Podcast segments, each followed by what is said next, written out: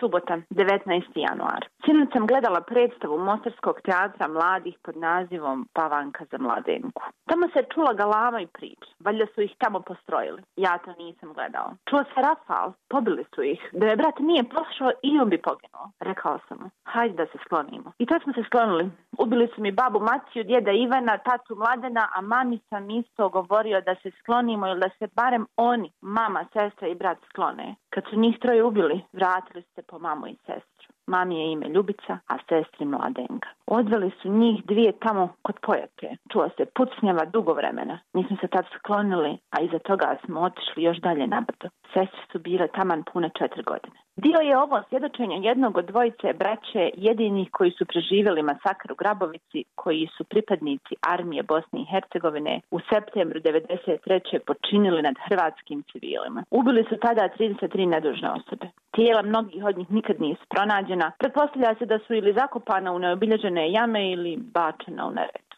O ovom zločinu kroz predstavu Mostarskog teatra mladih progovorio je Sead Đulić, kulturni radnik i režiser, nekad oficir armije Bosne i Hercegovine. Nikad me nijedno umjetničko dijelo nije toliko potreslo. Oprosti nam mladenka. Nadam se da se sada u nekom boljem svijetu, svijetu koji ima smisla. Nacionalizam ubija djecu. Nedelja, 20. januar. Teodor Adorno je govorio kako je pisati poeziju nakon Auschwitza barbarski. Umjetnost i riječ se čine nedovoljnima da opišu Auschwitz, Srebrenicu, Grabovicu. Možda je umjetnost nedovoljna, ali nam je neophodna da mladenku, sve naše anđele sačuva od još jedne smrti zaborava. Toliko vola smo nanijeli jednim drugim. Čini mi se da je na ulicama Mostara najviše ljudi na čijim licima je očita ta bol i sva naša nesreća. Svaki dan je teže breme prošlosti koje nosimo. Potrebno nam je oslobođenje, a samo istina oslobađa. Hvala ti se za istinu. Nacionalizam su mitovi i obmane. Ponedeljak, 21. januar. Prošle godine u ovo vrijeme bili smo u SAD-u. Treći ponedeljak u januaru je jedan od najvećih praznika, dan posvećen rođenju Martina Luthera Kinga. Bravo za naciju koja slavi ovaj praznik i ovog čovjeka. Možda i mi ovako nekad konsenzusno dogovorimo da 21. januar bude dan Srđana Aleksića. Sigurna sam da iz pozicije bijelog čovjeka u Europi zvuči gotovo nevjerovatno da su afroamerikanci dobili pravo glasa tek 1965. godine. I to nakon dugogodišnje nerijetko i krvave borbe Martina Luthera Kinga i drugih. Također sam sigurna da iz pozicije afroamerikanca u SAD-u, koji su od 2009. do 2017. imali Obamu za predsjednika, jednako nevjerovatno zvuči da u Europi kolijevci demokracije u 21. stoljeću postoji grad u kojem živi 105.797 ljudi kojima je već deceniju oduzeto pravo glasa. Kada sam nedavno saopštila javnosti da sam pokrenula građansku tužbu pred sudom u Strasburu, a vezana za neodržavanje izbora u Mostaru, jedna novinarka upoznata sa karakterom i prirodom Mostaraca me pitala da li sam ja stvarno iz Mostara. Nacionalizam umrtvljuje.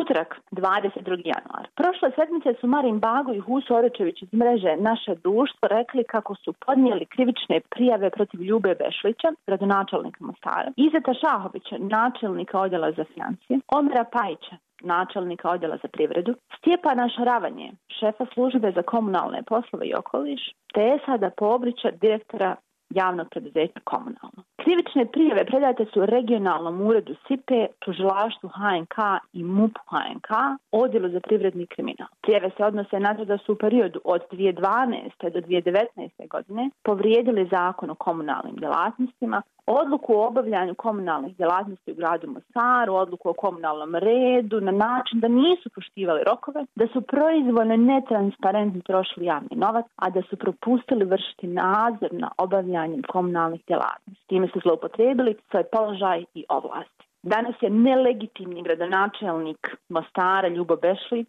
reagovao na tužbu rekavši da su ovo nebuloze. Dakle, jedina nebuloza je oko toga šta je nelegitimni gradonačelnik uradio s našim novcima, ali to ćemo ostaviti tužilaštvo da sazna. Nacionalizam su pljačke i kriminalne radnje. Srijeda 23. januar. Od jučer poslje podne magistralni put M17 između Mostara i Sarajeva je blokiran na području Jablanice. Ljudi su satima zarobljeni u koloni. Jedan čovjek je preminuo u tom saobraćajnom kolapsu, Pozilo mu je, a hitnoj pomoći je bilo nemoguće doći. Pišem saopštenje za javnost. Prozivam premijera kantona. Premijer se međuvremeno oglašava i kaže da to nije njegova nalož. Prebacuje odgovornost na federaciju. Federalno ministarstvo se oglašava i kaže da će zvati lokalnu firmu koju su dodijelili tender za održavanje puta. Firma se javlja i kaže da nije do njih. Kriva je policija koja nije iz saobraćaja isključivala vozila bez zimske opreme. Mijenjam po peti put saopštenje i prozivam ih sve redom jer su nesposobni a njihova nesposobnost ubija. Nacionalizam i njihovi kadrovi ubijaju.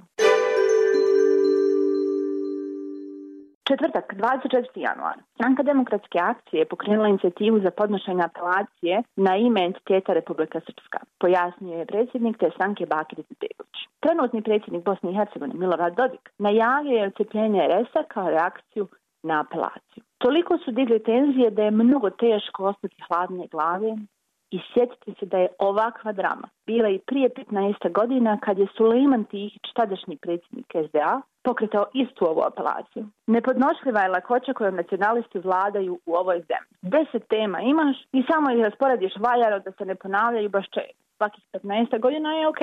Dodiku čak nisu potrebne ni teme, ni smislene rečenice. Samo dvije riječi koje ponavlja. Referendum i ocepljenje. Nacionalizam zatupljuje. Nacionalizam je pomračenje uma.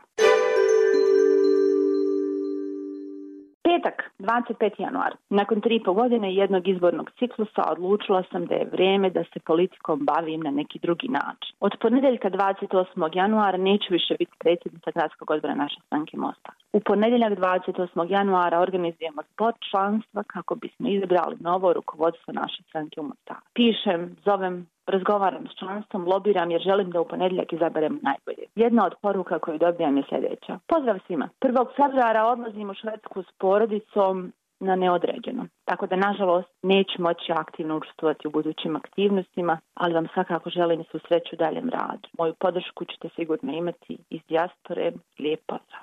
Nacionalizam protjeruje i raseljava.